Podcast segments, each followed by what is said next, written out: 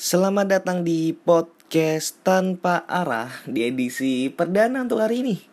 Tanggal 17 Juni 2017 hari Sabtu. Ah, apa kabar kalian semua? Gimana puasanya lancarkah? Oh anjir, ini kayak ngerasa udah punya pendengar aja. Padahal mau untuk memulai semua ini susah men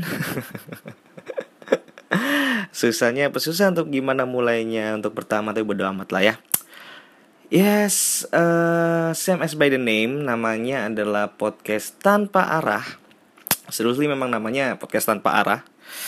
Nggak tahu ya dikasih nama apa. Kemarin sempet kasih nama apa gitu yang Ya paling nggak kalau kalian pertama kali dengar nama podcastnya adalah podcast tanpa arah.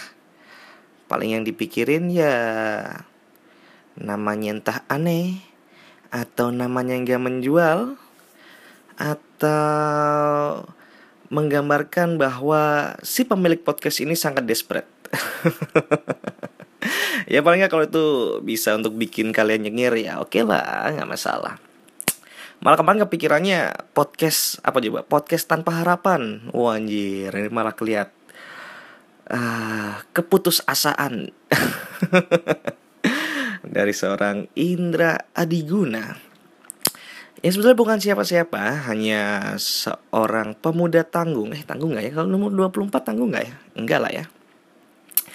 Ya paling nggak punya background di bidang media dari sekolah, berkecimpung dengan dunia broadcast, kemudian juga kerja di TV lokal, TV lokal, stasiun TV lokal di Surabaya yang nggak lama, nggak sampai tiga tahun. Setelah itu mencoba peruntungan di industri kreatif, jadi uh, istilahnya apa ya, IO atau WO, pokoknya ngurusi orang-orang kawinan lah. Padahal uh, klien berharap bahagia, tapi kita yang masih ngenes karena kita nggak punya pacar ya gitulah. Terakhir juga jadi penyiar radio juga nggak lama ya. Jadi ngelihat resume diri sendiri aja sebenarnya bikin sedih. Dan nggak tahu ya mau bikin apa lagi gitu. Walaupun sekarang trennya tren ngevlog, ngetrennya nge-YouTube. Tapi nggak tahu ya. Kayak ngerasa nggak ada yang bisa dijual aja dari tampang dari secara visual nggak nggak menjual aja gitu. iya secara punya tampang yang pas-pasan gitu ya. Jadi nggak ada yang presentable aja untuk dijadiin bahan uh, visual gitu kalau kita ngevlog. Anyway if you wondering about what the podcast is uh, jadi podcast itu ya kalau dibaca-baca di internet podcast itu katanya gabungan dari iPod dan broadcasting. Jadi podcast. Tapi intinya adalah playable on demand ya. Jadi didengerin kapan pun, di mana pun, dibikin offline dulu, download dulu, bebas lah pokoknya ya. Dan sesuai namanya podcast tanpa arah ini berisikan uh, tentang banyak hal, tentang uh, pandangan, tentang unek-unek, tentang gagasan, tentang bagaimana saya melihat sesuatu, tapi tentunya kan kita bahas sama-sama secara menyenangkan. Jadi intinya adalah kita ketawain apa yang kita lihat. iya dan semoga saja jadi alternatif uh, ketika kalian di motor atau di mobil yang udah boring ya udah bahas ya sama radio yang lagunya muter-muter itu mulu. Semoga saja podcast tanpa arah bisa menjadi alternatif pilihan hiburan Anda. Waduh. Gimana mau naik ini podcast ke permukaan? Kamu cara memperkenalkan acaramu. Itu biasa, itu standar, itu jelek. Ah, Bodoh amat lah ya. Ya, uh, kembali lagi podcast tanpa arah ini akan dirilis. Kayaknya seminggu sekali deh ya Setiap di akhir pekan ya semoga aja bisa konsisten setiap hari Sabtu. Bisa dicari langsung di SoundCloud slash podcast tanpa arah. Kemudian di YouTube juga ada. Cari aja podcast tanpa arah dan juga di iTunes di podcast ya. Dengan nama yang sama podcast tanpa arah. Kurang lebih 30 menit sampai 1 jam ke depan. Ah semoga aja men bisa ya ya semoga aja banyak yang diomongin banyak yang kita ketawain jadi ya berharap aja ada yang dengerin gitu aja nggak perlu banyak-banyak dua orang yang dengerin aja udah seneng kok Anyway, gimana puasanya yang udah hari ke 23 ya? Sudah hampir tamat seminggu lagi lebaran. Semuanya happy pokoknya kalau puasa lah ya. Kayaknya halangan-halangan puasa yang basic-basic kayak lapar haus kayak udah lewat kalau ngerasa umur udah makin ke sini makin tua ya. Udah umur 23 ke atas saya udah nggak ada lah hal-hal sepele yang kayak waktu zaman sekolah. Ya waktu itu maklum lah ya kalau uh, puasa dongkap-dongkap bolong-bolong ya namanya juga bocah maklumin aja. Tapi mungkin untuk sampai sekarang yang yang umurnya udah 20 ke atas ya tapi yang kalau nggak bisa nggak biasa puasa juga gitu sih gimana kemarin ini uh, sudah settle menemukan tempat-tempat untuk buka puasa colongan yang nggak ketahuan sama orang-orang yang dikenal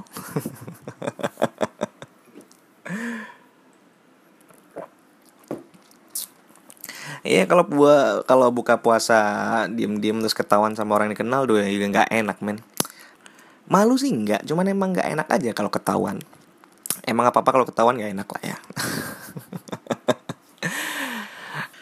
Iya tapi kalau makin ke sini kalau puasa itu lapar aku sudah lewat lah ya, udah nggak ngerasa itu lagi. Karena hari biasa pun kalau nggak puasa juga jarang makan. Entah karena ngerasa sok sibuk aja di hari itu atau memang duit lagi mepet aja untuk gak makan. Untuk nggak bisa makan. Jadi sebenarnya nggak ngaruh. Cuman beda men kalau ini ya. Kalau rokok ya. Saya kan perokok aktif ya jadi kalau dulu tuh pernah mikir kayak katanya orang itu bisa tahan gak makan sampai satu hari pun tapi kalau kebutuhan rokok satu hari itu juga harus. Dulu pernah mikir kayak ah masa iya sih orang lebih milih rokok daripada makan. Tapi nyatanya iya sekarang. Jadi sekarang kalau waktu puasa itu ada orang rokok di depan, maksudnya di depan kita gitu ya. Lu rasanya jengkel juga lama-lama ya. Ini orang nggak tahu perasaan apa gimana, punya perasaan atau gimana ya. Jadi pernah waktu itu kayak lagi servis motor gitu di bengkel bukan bengkel resmi ya bengkel-bengkel pinggir jalan gitu terus kemudian si montirnya ini ngerokok gitu di depan ya Thomas lihat dong kalau dia ngerokok kan terus Samsu lagi aduh men ya bagi kalian yang perokok aktif pasti tahu lah perasaan kita gimana ya. Uh, puasa gitu bibir sepet ya. Kemudian lihat orang rokok lagi asapnya kelihatan di depan hidung. Terus nggak tahu tiba-tiba kayak ada naluri kayak naluri kayak ngendus-ngendus. Ngendus-ngendus asapnya gitu terus diikutin arah asapnya dari mana gitu aduh. Iya kayak berasa aroma terapi men jadinya kan gitu nggak sih? Atau saya doang ini yang ngerasa gitu. Tapi ya itulah godaan. Puasa emang begitu. Tapi moga aja lancar ya men sampai akhir. Sayang juga kalau cuman setahun sebulan eh satu tahun itu cuman sebulan itu pun masih bolong. Sayang lah rasanya. Tapi yang jelas uh, yang bikin happy kalau puasa biasa juga ada undangan. Ini uh, undangan reuni dan juga undangan buka bersama jadi buka bersamanya ini dalam ah, reuni dalam tajuk buka bersama. Nah, biasanya banyak tuh. Itu di biasanya untuk eh, anak-anak uh, hipster ya. Nggak hipster doang sih, saya juga gitu. Banyak juga undangan-undangan dari uh, teman-teman SD, SMP, uh, teman-teman SMA, teman-teman angkatan di kuliah, pasti ada lah ya acara buka bersama sambil charity gitu. Bagi-bagi tajil gratis atau misalkan sahur on the road ya macam seperti itulah. Tapi ngomongin soal reuni ya agak aneh sih kenapa masih ada orang-orang itu yang nggak mau datang di acara reuni undang-undangan reuni atau semacamnya lah ya yang sifatnya nostalgia atau undangan dengan teman-teman uh, yang lama gitu. Nggak tahu ya pang orang-orang ini ngerasa kayak dia nggak pernah jadi spotlight di kelas atau dia bu nggak pernah jadi apa-apa di kelas. Terus kemudian kayak ngerasa kalau datang pun percuma karena nggak nggak bakal dibahas aja dianya. Apalagi kalau orang-orang tipenya pendiam gitu ya. Aduh susah men akhirnya semakin ke sini semakin maklum ya kalau dulu eh banyak lah. Kayak di grup WhatsApp di grup uh, Line gitu. Sama teman-teman SD SMP atau SMA gitu kan banyak ya. Akhirnya ket pada ketemu semua yang lama nggak ketemu gitu. Ya orang-orang yang pendiam-pendiam ini juga ada di situ. Cuman mantau doang nggak pernah nggak pernah nimbrung gitu. Dan diundang pun kadang nggak datang nggak tahu ya alasannya kenapa entah itu dia minder atau gimana gitu padahal mas belum nggak usah minder kali ya. Ini sifatnya cuman ya namanya juga reuni setahun sekali kadang ada kadang enggak. Harusnya datang aja men. Ya kalau kepingin jadi spotlight ya kamu datang sambil bawa wacana mau merit kayak pasti ada kok yang komen ada kok. Saking gitunya ya ke nggak pernah dapat spotlight di kelas. Ya nggak tahu lah orang-orang kayak gini belum lagi yang kalau alasan gak datang reuni ini karena pernah ada kenangan buruk bersama mantan yang pernah dipacarinya dulu dan satu kelas. Nah, ini juga kadang-kadang jadi problem sih. Ini biasanya orang-orang yang gak datang ini yang uh, di sisi antagonisnya, yang jahatnya, korban yang diputusinnya. Tapi saya nggak mau datang tuh. Kalau ada undangan uh, macam reuni gitu, nggak harus di momen uh, bulan puasa ya di reuni biasa juga kadang nggak mau datang tuh orang-orang kayak gitu. Karena mungkin dia tahu gitu kayak ah si ini pasti datang dia mah gitu. Terus uh, kayak dia yang nggak di, dia kayak ngerasa yang nggak enak gitu dia yang diputusin gitu. Kalau diputusin kan biasanya pihak yang salah ya. Jadi mungkin terbebani dengan dosa-dosa masa lalu itu yang masih belum bisa lepas tapi nggak tahu lagi ya. Tapi kalau misalkan uh, jadi orang yang mutusin mah pede aja harusnya ya.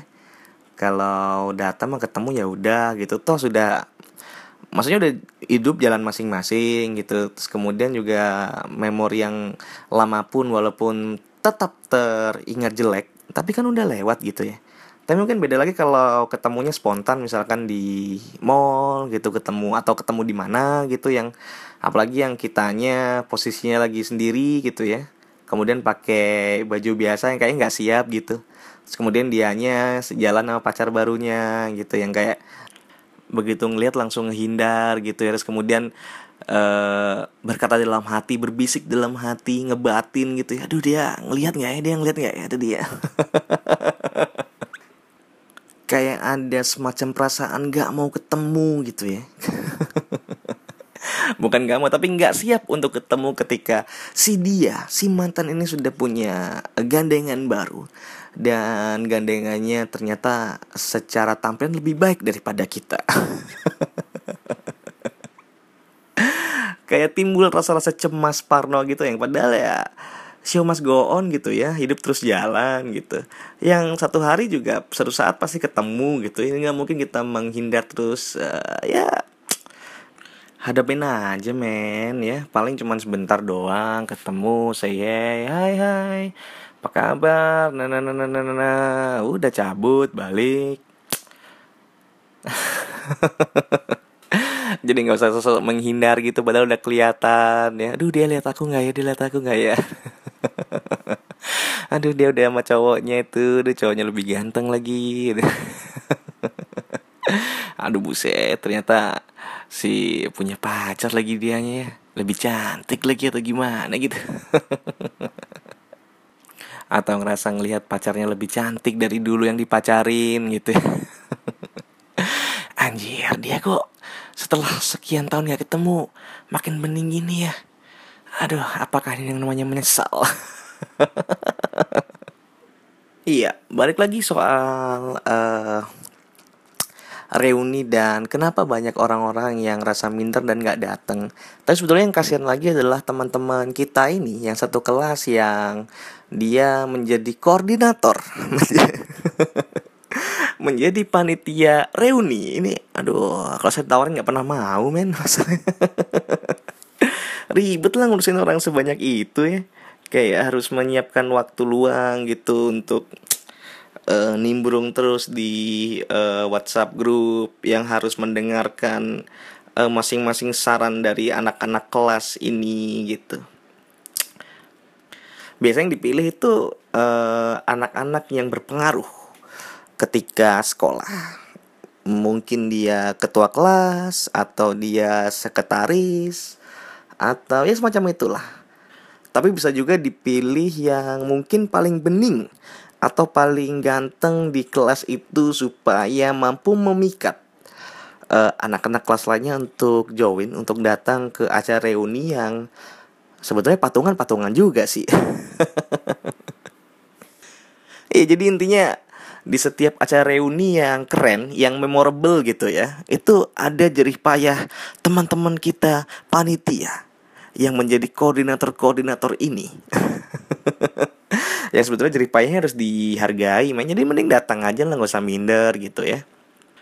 Datang aja dulu, datang ke situ. Kalau masih uh, tetap gak jadi spotlight, ya kamu bawa wacana apa kayak gitu. Ngobrolin soal merit atau ngobrolin soal kerjaan. Pasti banyak kok yang komen. Jadi sebenarnya rugi aja sih kalau ada setiap ada undangan uh, reuni nggak datang karena kita bisa ngelihat gitu teman-teman kita dulu kayak apa yang uh, ini mungkin yang nggak datang mungkin bisa jadi dia korban bully ya korban penghabisan ya jadi uh, bahan uh, celah-celahan bahan ceng-cengan di kelas gitu ya tapi untuk orang-orang kayak saya yang justru suka ngecengin, yang suka ngata-ngatain uh, teman kelas dari dulu. itu bisa melihat perkembangan gitu kayak, wih ini ya anak dulu uh, aku kata-katain sekarang jadi kerja di sini nih. Wih gajinya lebih gede lagi atau ah, itu pasti seru lah jadi cerita tersendiri gitu. Jadi harusnya datang aja sih. Iya dan hari ini nanti ya hari Sabtu uh, kayaknya ada undangan lagi dari uh, teman SD nih kayaknya yang juga bikin buber bikin bukber buka bersama gitu di uh, salah satu tempat di uh, Surabaya. Terus kemudian beberapa waktu lalu juga grupnya yang sempat sepi akhirnya kembali rame. Ya sebenarnya happy juga sih cuman yang terakhir ini agak aneh sih tahun ini kayak tiba-tiba rame membludak bukan karena membahas reuni tapi kita lagi asik atau lagi membahas. Jadi ada nih teman kita satu orang ini yang notabene dia diem banget sih orangnya. Dia nggak banyak ngomong diem gitu. Dan secara uh, akademis terpatin dia nggak pinter-pinter banget. Terus pokoknya diem aja lah nggak pernah uh, masuk di uh, 10 besar. Uh, misalkan nggak 10 besar kategori yang uh, berpengaruh atau anak-anak yang hits lah di kelas kita itu. Terus kemudian uh, beredar kabar kalau si satu anak ini ternyata dia sekarang ini jadi homo. enggak sih bukan ngetawain atau menjudge bahwa dia salah atau gimana enggak cuman sebenarnya sedih sih ngelihat uh, lihat grup WhatsApp gitu ya sekarang lagi rame rame lagi bahas si orang ini yang kayaknya kita belum sebagai temen ya. Sebenarnya nggak masalah sih kalau misalkan uh, dia sudah memilih jalannya jalan itu masing-masing. Cuman kayaknya teman-teman kita ini juga nggak siap gitu menerima bahwa uh, ada teman kita yang dulunya dia gitu yang notabene anak baik-baik ternyata memilih jalur itu. Dan sekarang menjadi bahan uh, celah-celahan bukan celah-celahnya bukan celah-celahan untuk menjustifikasi atau judgmental bahwa dia salah enggak tapi lebih uh, dicengin aja lah gitu. Dan anehnya si apa ya bilangnya korban lah yang di korban yang dicengin ini ini kayak dia kayak kayak play victim gitu ya. Jadi dia sekarang merasa menjadi korban dan sekarang dia uh, menjadi spotlight di grup WhatsApp. Kayak sama lagi ngomongin dia lah intinya. Dan makin dicengin makin jadi gitu. Ada gak sih kalian punya temen yang kayak dicengin makin dicengin makin jadi gitu. Biasanya kalau dicengin kan dia mundur ya atau mending keluar dari grup atau gimana gitu marah. Ini enggak. Jadi makin dicengin makin tanggepin. Ya kalau dia ditanggepin ya anak-anak makin gila lagi ngecenginnya gitu. I, ya sebenernya kasihan men. Kayak mungkin di zaman sekolah dia nggak mendapatkan ini ya. Dia nggak pernah mendapat perhatian gitu dari teman-teman. Kemudian setelah sekian tahun yang nggak ketemu kemudian ada kabar bahwa dia begitu kemudian boom aja dia naik ke permukaan. Dengan image yang seperti itu. Tapi ya itulah dia nanggepin mulu masalahnya ya.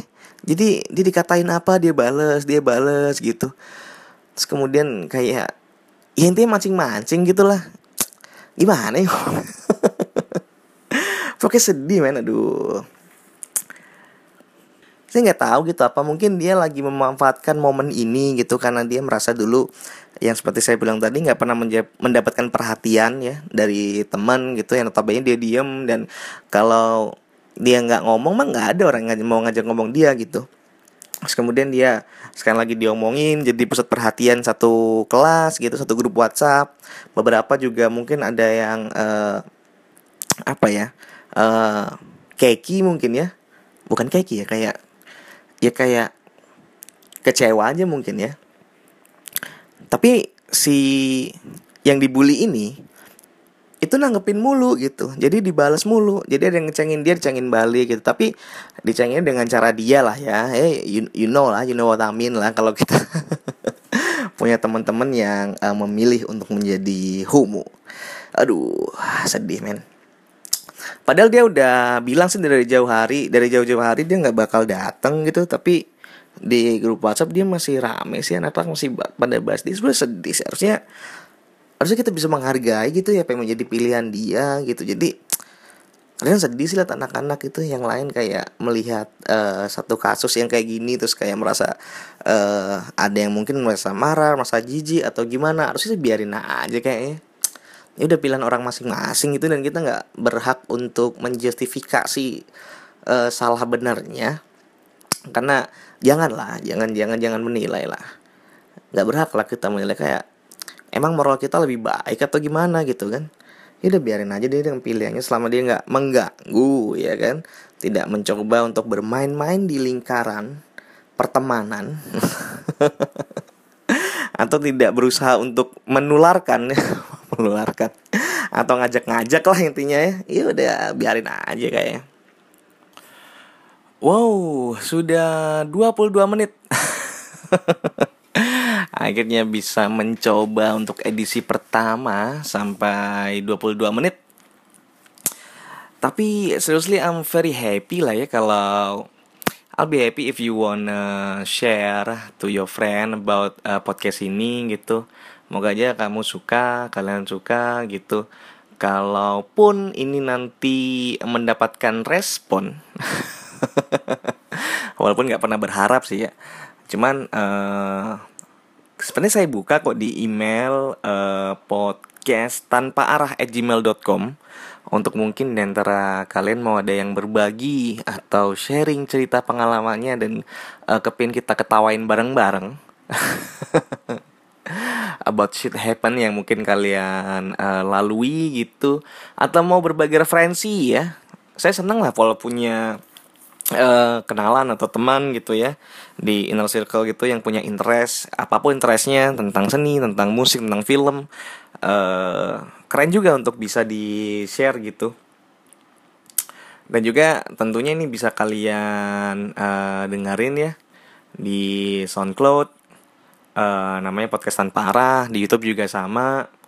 Kemudian uh, di Instagram @adiguna underscore a. Uh, kayaknya itu deh. Twitter juga sama adegunan underscore a. Gimana nih mau naik ya? Kamu promo mulu promonya nggak begitu bagus. Iya dan masih soal uh, reuni ya.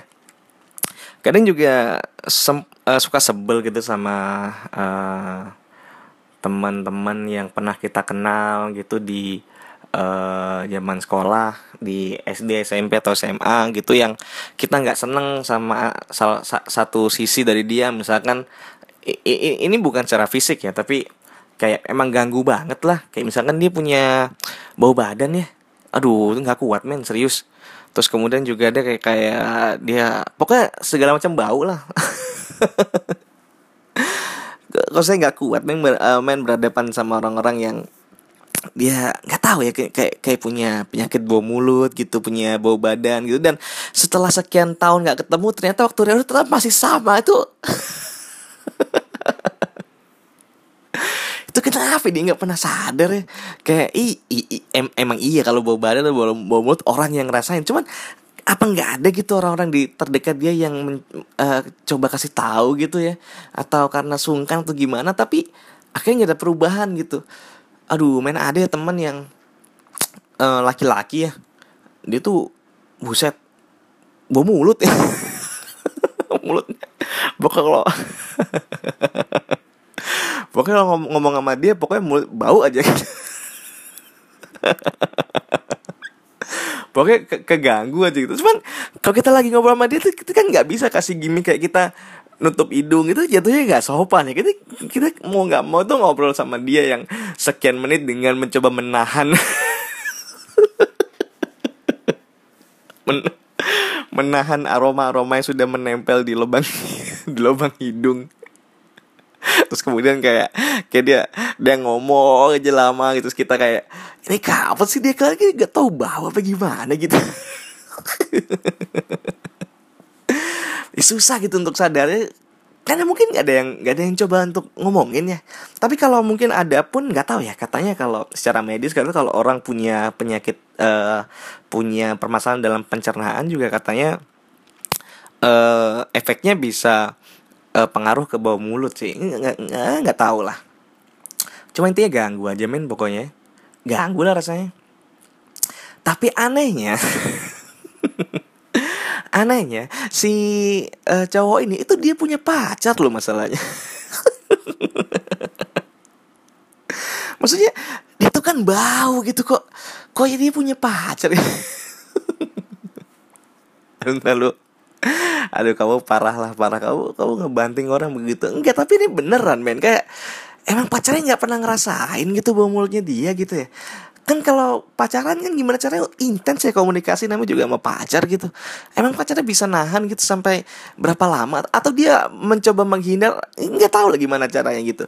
Tapi yang jelas kalau kalau misalkan waktu cium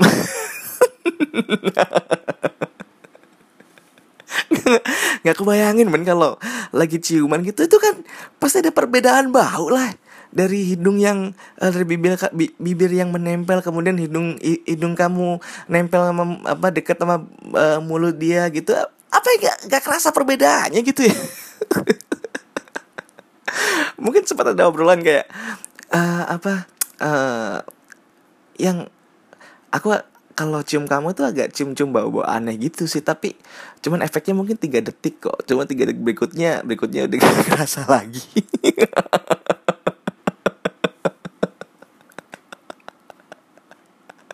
Oh shit man. Aduh. Aduh terus terus nggak kuat man kalau dia. Aduh ini ya.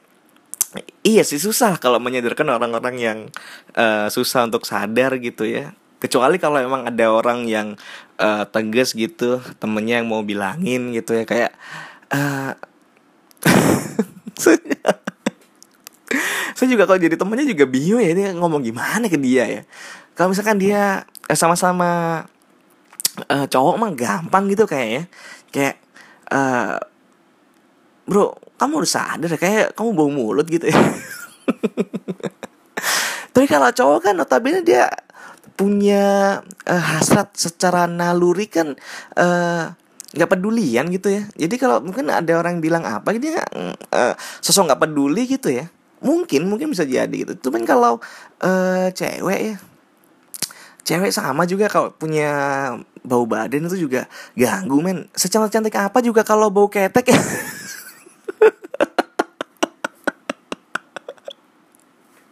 Oh, pasti nggak kuat. Jadi ada, ada dulu cewek. Teman uh, teman uh, dulu SMK gitu. Uh, teman-teman SMA gitu. Dia dia dia dia bau badan gitu ya. Bau, bau ketek lah intinya. Ini cuman udah kelewat ekstrim men. Jadi kalau uh, orang bau badan ini dia udah level sampai jaket yang dia pakai ikut keturunan bau dan waktu uh, kami sekolah itu kan di sekolah ada kayak fasilitas kayak lab gitu ya. Jadi karena dulu saya sekolahnya broadcasting gitu di SMK jadi ada lab uh, eh, TV gitu dan uh, banyak yang aktivitas itu kadang uh, ninggal-ninggal barang kadang baju jaket apa yang aktif di uh, ibaratnya siswa aktif lah di studio ini yang melakukan kegiatan banyak gitu kadang juga ninggal gitu.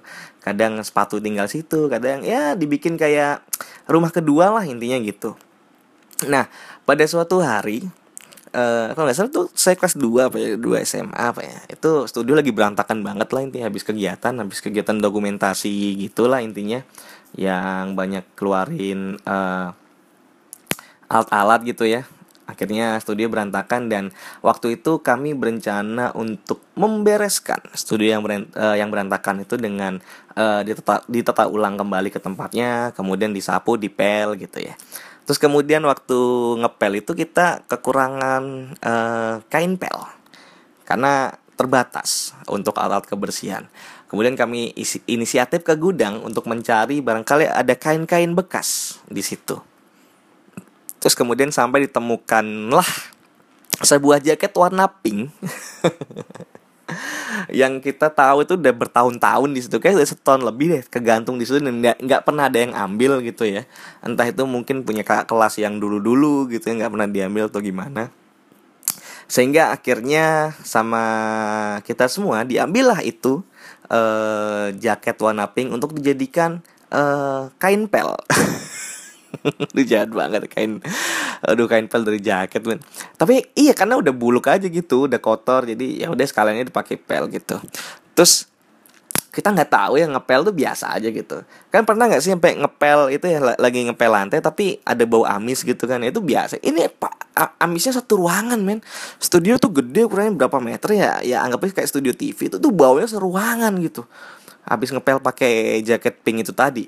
Kemudian eh, nggak uh, begitu lama kita lagi berhenti dong. Aduh ini bau ini men. Aduh nggak kuat kan berhenti dulu ya kita keluar lah gitu. Terus kemudian ternyata yang punya ini si cewek ini itu masuk. Kita nggak tahu ya dia masuk ke studio kemudian dia marah-marah ini siapa yang pakai jaket ini aku kira jaketnya hilang ternyata kalian jadiin pel-pelan gitu jadiin lapel jadiin kain pel gitu. Terus kita kaget dong. Eh, jadi punya kamu jadi si cewek ini emang punya kita punya masalah sama cewek ini soal bau badan. Jadi punya dia ternyata yang udah buset sampai level jaket men. Aduh nggak kuat. Aduh sampai jaket pun dipakai. Uh, jadi kain pel tuh sampai bikin bikin satu studio itu baunya aduh parah men aduh itu ya kenapa ya masih ada orang-orang yang uh, kurang tersadarkan ya? Ini nggak punya teman dekat atau gimana ya? Nggak mau uh, kasih hal-hal baik dalam kehidupan gitu yang misalkan dilihat kayak kurang pantas gitu ya? Kayak harusnya ada dong ya orang-orang yang kayak gini ya? Yang yang yang mencoba bijak untuk bilang kalau uh, dia bau mulut atau bau badan gitu ya? Karena kalau dia nggak tahu wah kacau main ke depan ya. Ntar takutnya ya semoga aja dia bisa bisa bisa sadar bisa memperbaiki gitu ya. Kalau misalkan dia bau badan ya gimana caranya dia mandinya jadi yang dua kali jadi lima kali kayak gitu ya. Atau dia memang uh, prefer kudu beli uh, banyak parfum gitu deodoran atau gimana supaya emang nggak bau. Yang bau mulut juga gitu kalau memang itu uh, karena ada masalah pencernaan ya baiknya segera dikonsultasikan kepada dokter gitulah ya. Saya takutnya ganggu atau gimana gitu. Karena kalau temen sih kalau walaupun jujur tuh susah ya tapi kalau temen yang bilang rasanya masih oke okay lah gitu saya jelek-jeleknya temen kalau ngomong. Tapi kalau orang yang baru kita kenal gitu atau misalkan calon klien gitu atau ibu hubungan dalam kerjaan lah kemudian akhirnya nggak jadi cuman gara-gara ya, personality kita yang uh, kurang nyaman kurang pantas untuk orang lain rasanya sayang sekali lah ya. Sangat disayangkan gitu. Iya, jadi kalau kita sudah lihat di internet gitu teman-teman kita pada nyebelin di sosial media gitu semoga aja nggak ada orang-orang yang selin. Bikin sebel di real life gitu ya karena apalagi hipsternya hipster di hipster soal Instagram ya lagi hit sekarang uh, sangat digandrungi sama anak-anak milenial sekarang ini. Karena kok saya suka sebel ngelihat kayak kalian pernah nggak sih kalau lihat di internet gitu ya di Facebook atau di mana gitu atau di berita online gitu ya yang di uh, uh, di share linknya di dari Facebook gitu. Terus kemudian kayak pria ini uh, kayak berita-berita yang intinya uh, apa judul sama isinya itu nggak sesuai. Misalkan kayak pria ini telah memakan uh, ular memakan sisik ular dan hasilnya adalah gitu kan. Kemudian di kemudian waktu dibuka berita ternyata zong. Nggak ada kesinambungan antara judul sama isi. Mengandung unsur clickbait. Untuk kepentingan segelintir orang gitu. Itu sama sebelnya sebelnya uh, sama sebelnya ketika ngeliat ada teman gitu ya dia pasang foto selfie gitu yang sangat sering gitu ya sehari bisa dua tiga gitu yang sebenarnya dilihat-lihat nggak kece-kece amat tapi punya tingkat kepercayaan diri yang sangat tinggi dengan foto-foto selfie-nya. Kemudian dia selfie gitu kepala miring sambil setengah manyun, kemudian di captionnya ditulis sama hidup ini adalah suatu hal ya. jadi jadi dia selfie tapi isinya tuh caption bijak gitu. Nggak ada hubungannya. Sebenarnya nggak ada hubungannya gitu ya. Anehnya nih orang-orang ini ngikutin siapa gitu ya. Sedih loh sebetulnya. Kayak iya itulah kalau orang-orang yang salah referensi gitu ya. Terus kemudian jadi aneh. Dilihat tapi ya, ya gimana dia mau sadar gitu. Kalian sebagai teman-temannya ikut nge-like. Kemudian ikut komen aduh sis kamu cantik. Sebagai padahal mukanya nggak kece-kece amat kalian cuman menjaga perasaan eh, menjaga respect kan? Yang pastinya sungkan untuk ngomong gitu ya. Padahal orang-orang seperti ini harusnya disadarkan supaya nggak jadi ngeselin di internet gitu. Iya harusnya waktu kalian komplain kayak ngelihat ini apaan sih berita online ngaco? Judul lama isinya nggak sinkron. Harusnya kalian juga komplain lah kalau ada temen yang uh, foto selfie gitu orangnya nggak kece-kece amat tapi kasih caption bijak. Ya karena sama aja gitu. Kalau di berita online itu kan judul lama isinya nggak sesuai gitu. Kalau di Instagram juga gitu sih. Foto selfie-nya sama selfie-nya sama apa namanya captionnya juga nggak nggak ada hubungannya gitu. Harusnya juga kalian komplain lah tapi kenapa gitu ya? Masih banyak gitu dan yang ngikutin juga banyak gitu. Cuman berharap aja kapan gitu orang-orang ini sadar ya kapan era ini berakhir, gitu ya. Yang di akhirnya sadar bahwa duh sebenarnya nggak kece-kece amat gitu ya. Dan jangan selfie lah atau gimana gitu.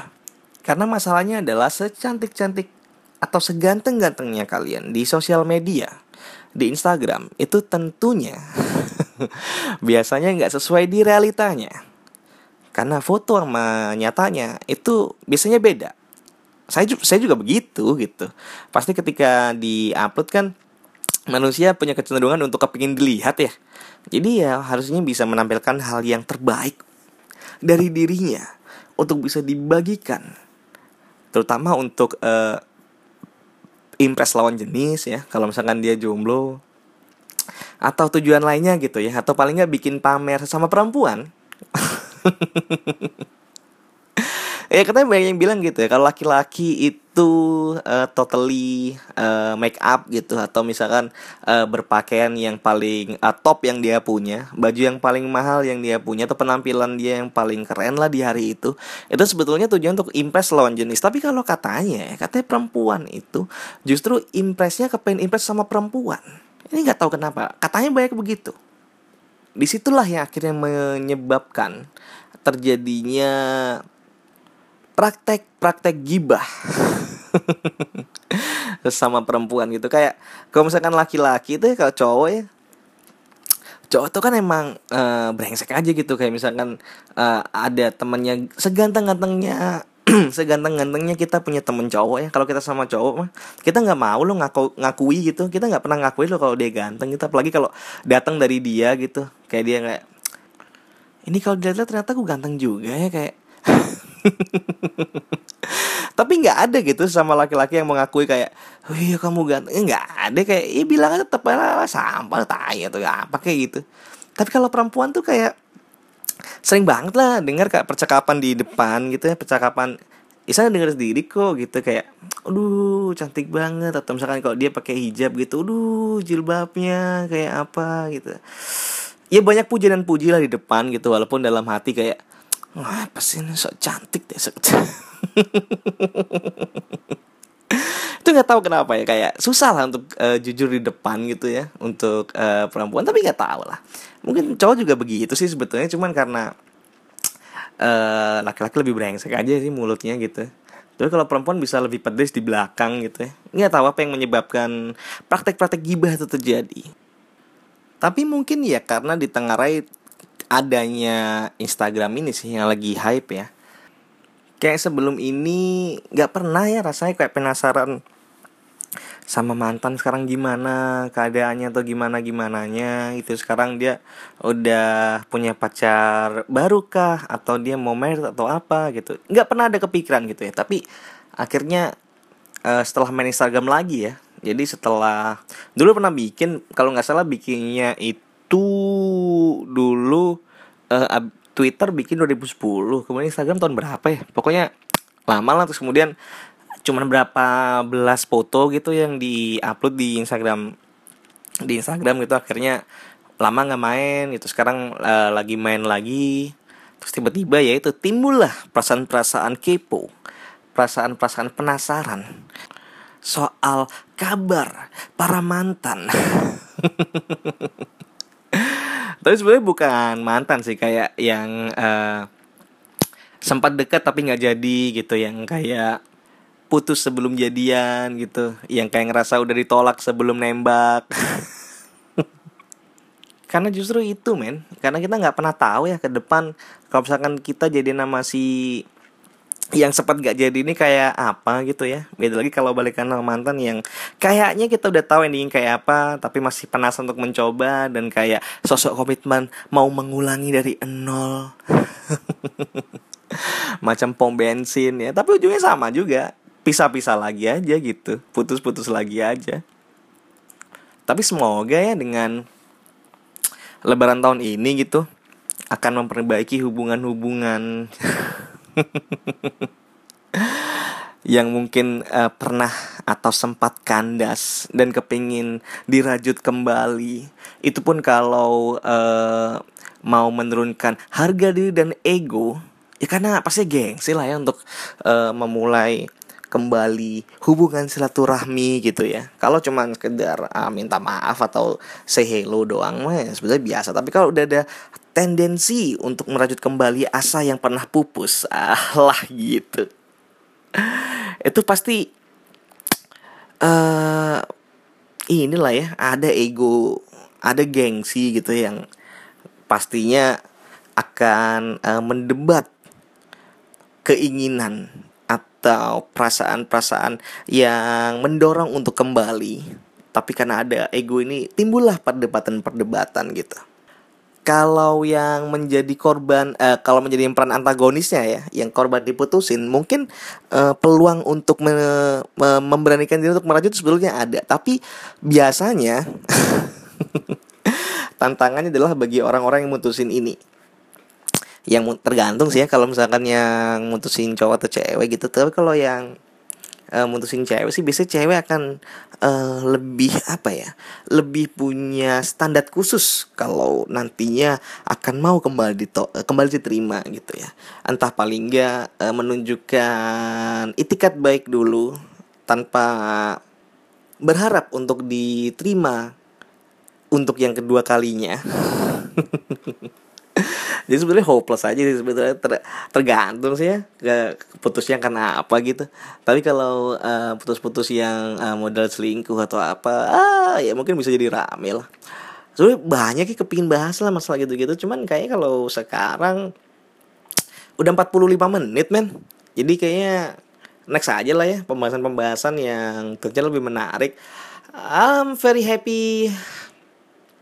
Kalau kalian uh, share juga ikutin yang ada di YouTube kemudian di SoundCloud di like terus kemudian apa lagi? Subscribe ya. Dan share wah saya senang banget lah apalagi kalau kalian mau berbagi uh, apa pun lah mau kalian tanya mau uh, kasih sesuatu yang mungkin menjadi shit happen untuk kalian yang tentunya kita ketawain bareng-bareng. Oh, ya pasti akan seneng lah ya. Happy lah nanti kalau kalian ngirim di uh, emailnya di podcast tanpa arah at gmail.com kalau ACFM nggak tahu ya. Kayaknya sekarang belum butuh aja sih ACFM tapi nggak tahu ke depan. Tapi yang pasti kalian bisa kok berinteraksi dalam surat pembaca. Surat pendengar lah ini ya di email tadi di podcast tanpa arah Instagram juga ada di @adiguna underscore a. Kemudian Twitter juga sama adiguna underscore a. Kayak gitu dulu ya untuk hari ini. Untuk edisi perdana 45 menit not bad lah ya kayaknya. Pokoknya tentunya kalau kalian uh, kirim-kirim email dan keping kita bahas bareng Tentunya akan kita bahas secara menyenangkan. Tapi kalau ke depan mungkin uh, banyak ya Kalau dari argumen atau misalkan unek-unek atau pendapat saya yang kurang bisa diterima, ya mohon maaf aja lah. Nama juga podcast tanpa arah. Jadi enak aja kayak punya disclaimer aja ya kalau ini nanti ngomongnya gini. Nama juga tanpa arah gitu ya. Ya itu dulu untuk hari ini ya edisi untuk hari ini 17 Juni hari Sabtu dan semoga weekend besok saya masih punya semangat untuk melanjutkan podcast yang gak jelas ini. Thank you kalian semua. Bye bye.